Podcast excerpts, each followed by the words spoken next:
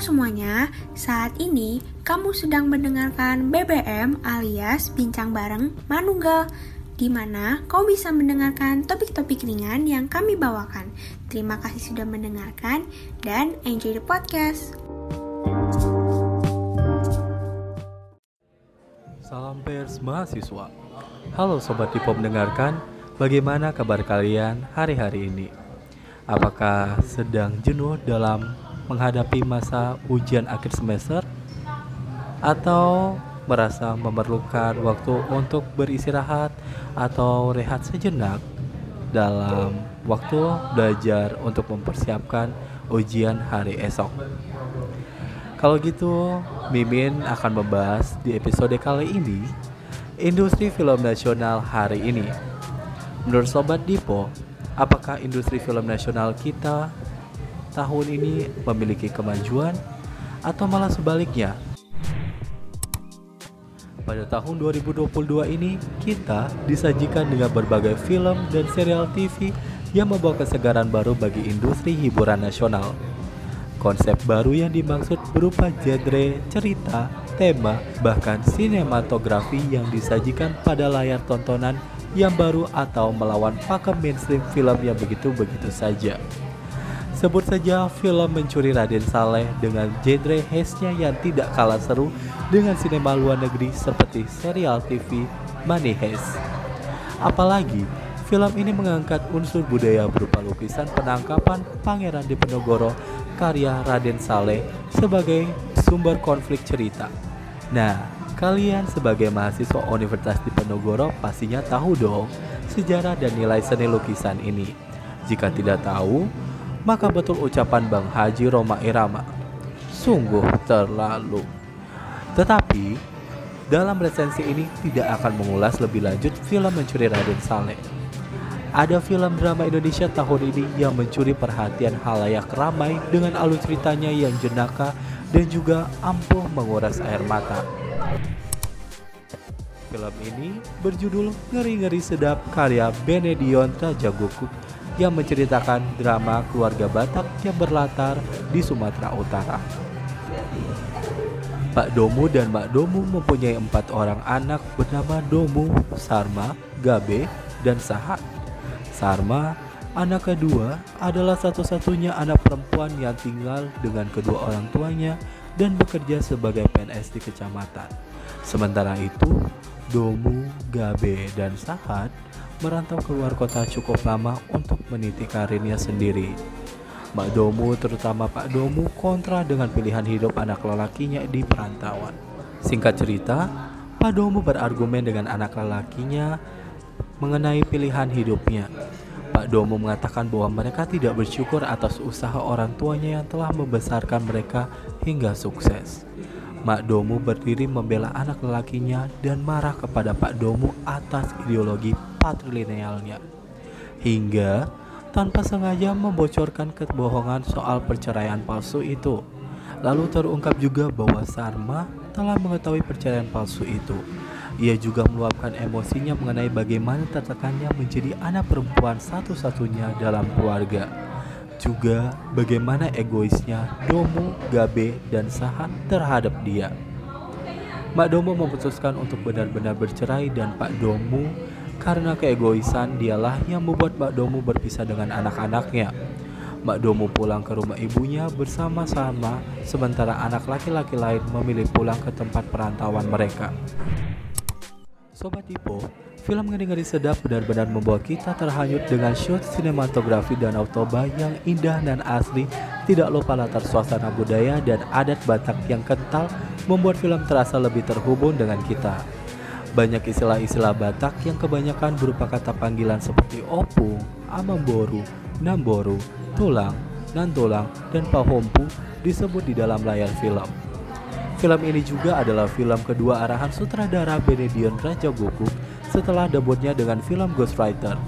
Latar belakang Bene yang berasal dari keluarga Batak tentu membuat film ini lebih akurat dalam merepresentasikan adat dan budaya Batak ke dalam layar. Isu dan permasalahan keluarga yang bersinggungan dengan norma, tradisi, adat, dan nilai moral suku Batak menjadi fokus utama permasalahan cerita. Pak Domu mendidik dan membesarkan anaknya sesuai dengan apa yang ia pelajari dan berpatokan dari orang tuanya.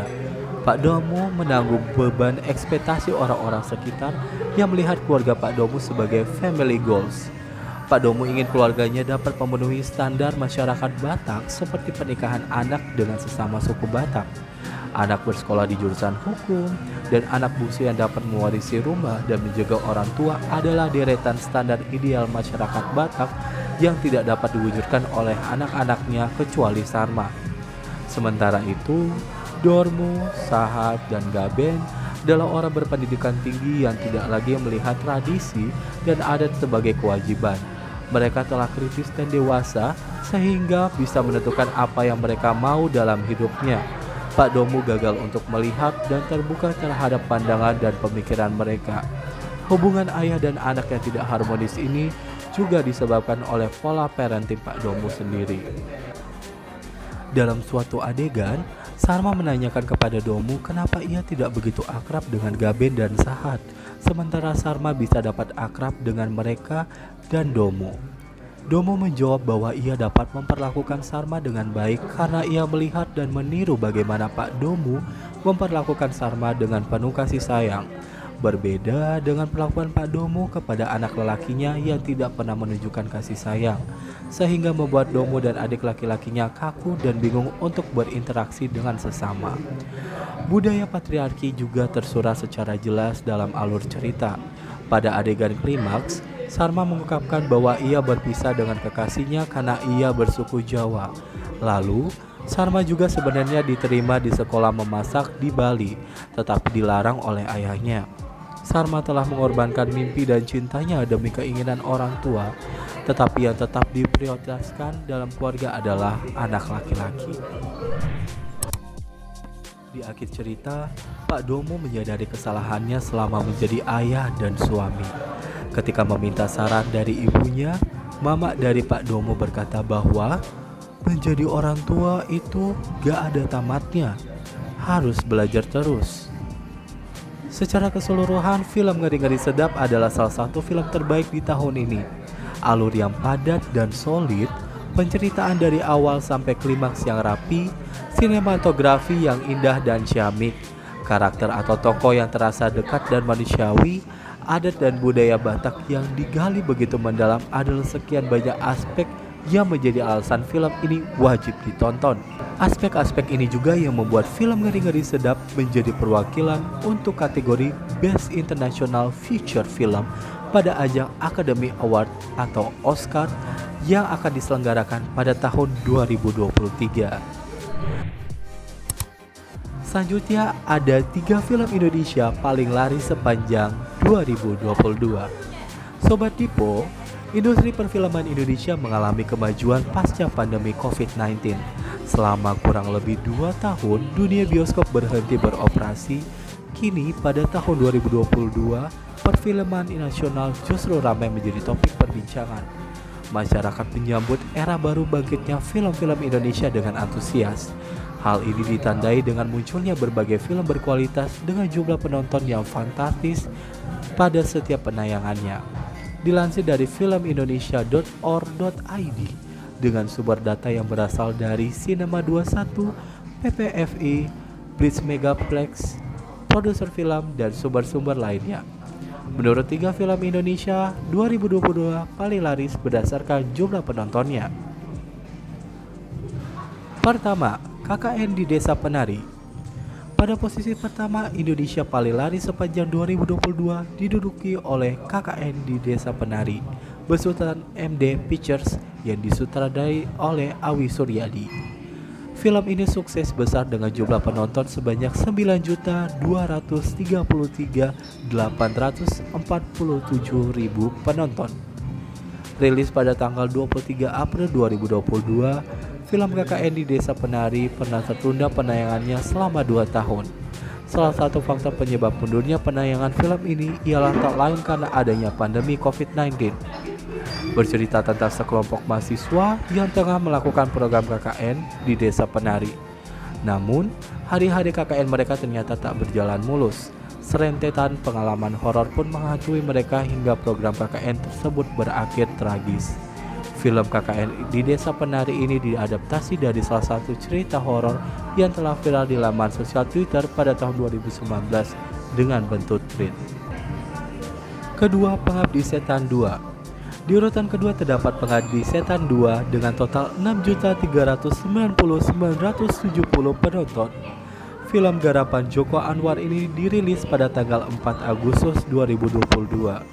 Sebelumnya, Film musim pertama Pengabdi Setan sudah rilis terlebih dahulu dan merupakan remake dari film dengan judul sama Pengabdi Setan yang tayang pada tahun 1980.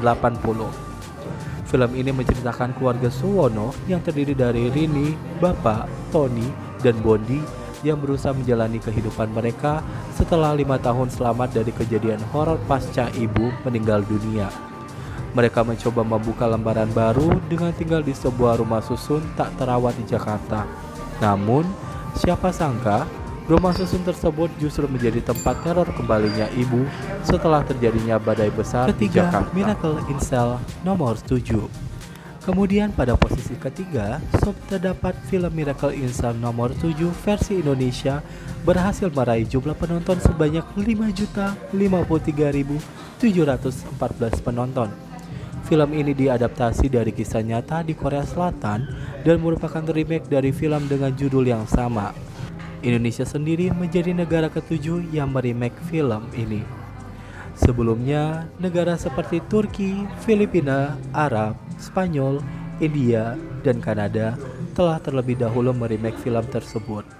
Film hasil produksi Falcon Pictures ini disutradai oleh Hanum Bramantio dan mendapatkan sambutan positif dari masyarakat Indonesia. Bercerita tentang Dodo Rozak, seorang ayah penyandang disabilitas intelektual yang tinggal bahagia bersama anaknya, Kartika. Hingga suatu hari, Dodo Rozak didakwa telah melakukan hal keji yang menyebabkan dirinya masuk penjara dan diberi hukuman mati. Bertahun-tahun berlalu, Kartika anak Dodo telah menjadi dewasa dan membuka kembali kasus tersebut demi memperjuangkan keadilan untuk anaknya. Lantas, mengapa harus ngeri-ngeri sedap padahal ada tiga film di atasnya yang paling laris di Indonesia? Benar bahwa akhir-akhir ini tanah air sedang dilahap oleh film, serial, series, drama yang mulai memajakan hampir seluruh masyarakat. Hidup di tengah peradaban dengan semua perkembangan, termasuk industri film, menjadikan kaum yang hidup sekarang mengecam dan menyaksikan banyak kisah yang dinarasikan melalui layar perak. Seperti yang terbentang di depan mata, perwakilan nominasi Oscar dengan banyak pencapaiannya yakni Ngeri-Ngeri Sedap, maka dengan sigap tersohor di tengah-tengah masyarakat dan mengisahkan bekasan yang hanya mampu tertutupkan oleh air mata dan tawa saat menonton film tersebut. Mungkin Sobat Dipo banyak yang bertanya-tanya, terutama para milenial yang menonton ratusan film Indonesia yang terbit di tahun 2022. Mengapa harus film ini yang menjadi perwakilan ke Oscar? Sebagian dari mereka mungkin menyimpan rasa penasaran atau sebagiannya lagi menyimpan unjuk rasa sebab tidak setuju dengan representasi film ini dalam Oscar. Sederhana sekali, karena film ini mengambil sudut pandang kehidupan dan bukan hanya pada suku Batak saja, tetapi secara menyeluruh. Bukan hanya tentang bapak dan anak laki-lakinya, tetapi juga saudara laki-laki kepada saudara perempuan. Film ini menitipkan banyak pesan baik secara tersirat maupun tersurat. Secara tersurat, film ini mengajarkan untuk tidak memberi makan ego, sebab dalam satu keluarga terdiri dari banyak elemen, belajar untuk mengikuti mimpi anak, mendukung mereka dalam apa yang mereka tekuni. Film ini juga memberi sudut pandang tentang perceraian, bahwa cerai bukan sebuah pilihan, sama sekali bukan jawaban dalam satu keluarga. Duduk diam, menceritakan kejanggalan, mencari tahu apa yang salah hingga menemukan jalan keluar adalah jawaban dari masalah yang ada di keluarga. Itu dia industri film nasional kita tahun 2022 ini. Bagaimana menurut Sobat Ditpo? Apakah film industri nasional kita tahun ini memiliki kemajuan atau malah sebaliknya?